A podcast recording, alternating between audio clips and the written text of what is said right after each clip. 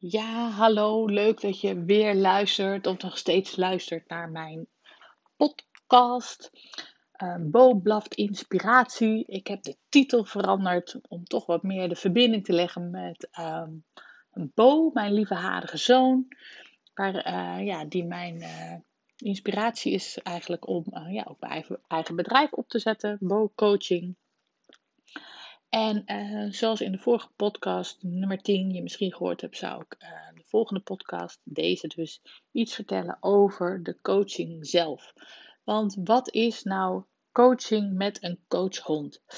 Um, ik krijg die vraag best wel vaak um, en uh, ja, ik licht het heel, heel graag toe. Um, tot anderhalf jaar geleden was ik daar ook eigenlijk helemaal niet, niet bekend mee ik heb wel altijd geweten dat dieren, honden, paarden, eigenlijk alle dieren wel een, een, een functie uh, kunnen vervullen als het gaat om het begeleiden van mensen. Wat ze sowieso allemaal doen is uh, ze verzachten je. En misschien heb je het wel eens gemerkt, maar mocht je uh, heel wild en druk zijn en ga je zitten en aaien alleen al een dier, een konijn, een hond, eh, een koe, het maakt niet uit. het moment dat je met je vingers met je, met je tastzintuig uh, het velletje van uh, de vacht van een dier aanraakt, dan gebeurt er gewoon iets met mensen. Zelfs daarvoor al, het moment dat je weet dat je dat gaat doen, maakt al dat je, ja, noem het verzacht, dat je in een andere gedachtenstroom komt. En dat is een van de mooie dingen die ja, coaching met ondersteuning van dieren, en in mijn geval doe ik dat dan met de hond, uh, ja, wat dat met je doet. Het, het verzacht je. Het, het, uh, je kan niet anders dan uh, ja, je, denken op een gegeven moment opzij zetten en meer in je gevoel raken. En dat is het magische, ja, vind ik sowieso. En dat zal je ondervinden op het moment dat je het een keertje probeert. Maar ehm, ja, je, je, je wordt gewoon in, in, in tegenstelling tot andere vormen van therapie en uh, ja, heel snel uh, met je gevoel in contact gebracht. En dat is in heel veel gevallen hetgene wat, wat mensen, kinderen, iedereen eigenlijk uitgeschakeld hebben. We zijn heel erg uh, ingesteld op het, op het denken, het beredeneren van zaken. Um, ons brein is zo ingericht. Uh, we zijn alert op, op gevaarlijke omstandigheden. We, we zijn voortdurend ingesteld om, om onszelf eigenlijk te beschermen. Uh, maar vergeten daarbij ehm, om, ja, om te voelen. En zodra je met dieren in contact komt, en helemaal als je dat op een begeleide manier doet, kan je die twee werelden met elkaar gaan combineren. Dus je kan gaan voelen, uh, ja, je kan in je gevoel komen en daarbij ook uh, ja, het denken omzetten. Nou ja, misschien een beetje een vaag verhaal, maar uh, dit is echt wat ik iedere keer weer opnieuw uh, ervaar. En in het begin begreep ik niet helemaal hoe het werkt. Want ja, die hond, weet je, hoezo, die, die kan toch geen diagnose stellen of die kan toch niet bepalen uh, wat je moet doen of uh, waar je last van hebt. Hoezo kan een hond dat? Ik bedoel, hij begrijpt de mensentaal niet. Maar dat klopt, dat is ook niet uh, exact wat een hond doet. Wat een hond doet is reageren vanuit zijn gevoel, vanuit zijn, ja, van wat er is. Dieren hebben geen, ja, geen agenda, geen, geen ja, ze hebben wel een verleden, maar in contact met, met jou um, hebben ze geen uh, specifieke agenda of zo. Van nou, ik ga jou eens even uh, om de. Oh, sorry, ik moet even de rijst openknippen. Multitasken. Uh, maar ze hebben geen verborgen agenda. Ze hebben niks. Ze reageren gewoon op, op het energieveld wat er is. En um, in oefeningen die je bij uh, ja, coaching met honden uh, doet, wordt die verbinding gelegd. De hond heeft geleerd door de opleiding die ik met hem gedaan heb, Bo in dit geval, um, dat ik hem op een gegeven moment overdraag aan mijn coachie. En dat doe ik ook, dat zal je ook zien, dat doe ik ook echt. Hij heeft altijd speciale, een speciaal tuigje aan als ik met hem werk. Uh, ik, ja, ik, ik praat met hem, hij merkt ochtends al aan mijn energie dat ik nou, dat we samen wat gaan doen, dat we aan de slag gaan. En daar heb ik ook vele uren ja, begeleiding in gestopt om hem dat aan te leren. Het is niet een trucje, maar hij, ja, we hebben samen ons eigen ritueeltje voordat we beginnen met coaching. En dan gaan we naar een plek toe waar ik dan afgesproken heb met de coachie. Ik zorg dat ik er altijd op tijd ben. En vervolgens uh, ga ik lekker even een stukje met hem wandelen. En dan praat ik gewoon even met hem en zeg ik wat, wat, wat zijn opdracht is zometeen, wat hij gaat doen, wie we gaan zien. En uh, ja, ik wist niet dat het zo werkte, maar zo werkt het wel. Die hond begrijpt dat gewoon. En helemaal als je dat soort systemen, dat soort patronen gaat herhalen, dan uh, ja, begrijpt hij dat. Misschien zijn er mensen die honden hebben, ja, die dat wel herkennen. Ik bedoel, uh, s ochtends, uh, als, als je naar beneden komt en je bent gewend die hond als eerste eten te geven, nou, dan staat hij met een hele grote wiebelstaart waarschijnlijk voor je, voor je neus. Van, joh, geef mij wat van het voer. Want dat is wat ik uh, hoor te krijgen nu.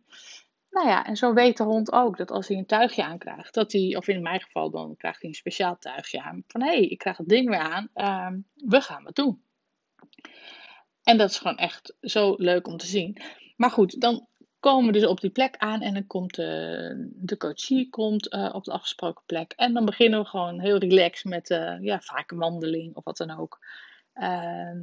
En daarna beginnen we met, met de coaching. En ik werk uh, zeker met een soort van uh, programma, of in ieder geval we werken altijd ergens naartoe. Soms zijn we in, in, in twee, drie keer klaar. En soms is het fijn om elkaar gewoon wat vaker te zien en misschien wat langer uitgespreid. Op een gegeven moment om, om de maand of om de uh, vijf weken, net wat, wat iemand wil. Dus we werken absoluut ergens naartoe. Uh, maar ja, zo'n eerste bijeenkomst, of bijeenkomst, hoe zeg je dat? Zo'n eerste sessie uh, helemaal niet. En dan, uh, ja, dan kom je en dan ga je gewoon aan de slag. En dan geef ik je op een gegeven moment de hond mee. Dan draag ik Bo over aan je. En dan maak je een wandeling met hem. En dan ga je gewoon doen wat je van plan was om te doen. En dat, wat je dan doet, dat is waar het om gaat. En daar is waar we het over gaan hebben. En het is heel grappig, want ja, veel mensen, vooral voor zo'n eerste keer, die, nou oké, uh, ga maar een stukje met hem lopen en loop in contact met de hond. Dus bijvoorbeeld een opdracht kan zijn van, nou, ga wandelen.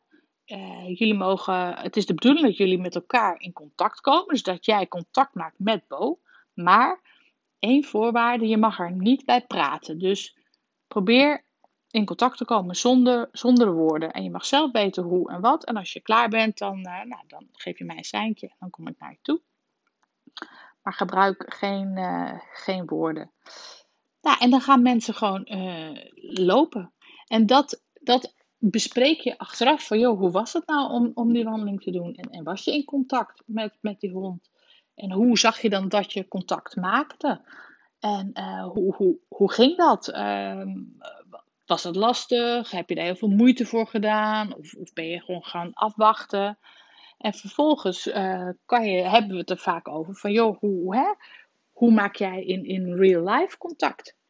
Hoe, ja, herken je dingen van jezelf in hoe jij bijvoorbeeld in een, nou ja, als je in een groep bent met mensen die je niet kent, dat je, nou, stel dat je gewoon uh, contact met de hond maakt door af te wachten wat er, wat er gebeurde, of hij naar je toe kwam. Uh, nou, is dat ook de manier die je normaal doet als jij uh, in een groep bent met mensen die je niet kent? Ja, en dan eigenlijk altijd komt naar voren dat dat, dat een, een, ja, een, een direct verband heeft met elkaar. De, de manier waarop je contact maakt met een dier in, uh, ja, in verhouding tot hoe jij contact maakt met mensen.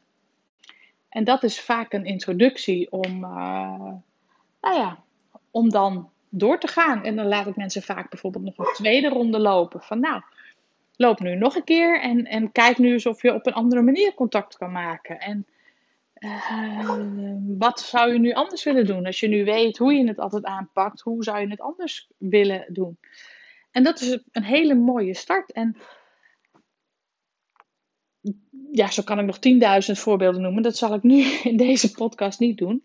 Maar wat ik hier altijd van terug hoor, dat mensen ineens op een andere manier gaan kijken naar, naar zichzelf. Van hé, hey, ze kunnen van een soort van derde positie hè, als een soort van, nou, noem het een vogel vanuit de lucht, zien hoe ze zichzelf gedragen in, in ja, bijvoorbeeld in contactsituaties. En ja, dat is gewoon magisch. Dat is vooral het feit dat je dit soort dingen al bereikt. Meestal in gewoon een eerste, eerste kennismaking. Sterker nog in eerste kwartier, half uur. Ja, als je achter een bureau staat, is dat echt een stuk, stuk moeilijker als je achter een bureau in een kamer zit. Nou, dat is een van de magische dingen van, van coaching met honden. Ik zal zeker nog veel meer van dit soort voorbeelden delen. En ook voor kinderen. Uh, want ook met kinderen, kinderen met ADHD, heb ik prachtige voorbeelden hoe, ja, hoe ik kinderen kan helpen uh, om zicht te krijgen op hun eigen kwaliteiten en talenten. Uh, maar goed, daar, daar heb ik het dan de volgende podcast graag over. Nou, heb je vragen of wat dan ook, stuur me alsjeblieft een berichtje. Op Instagram kan je me vinden op Bo Coaching. Ik ben bezig met de website, maar die is nog niet live. Maar uh, nou ja, Laat me weten wat je wil weten. Oké, ik wens je nu een hele fijne dag. En uh, hopelijk tot de volgende podcast. Bye bye.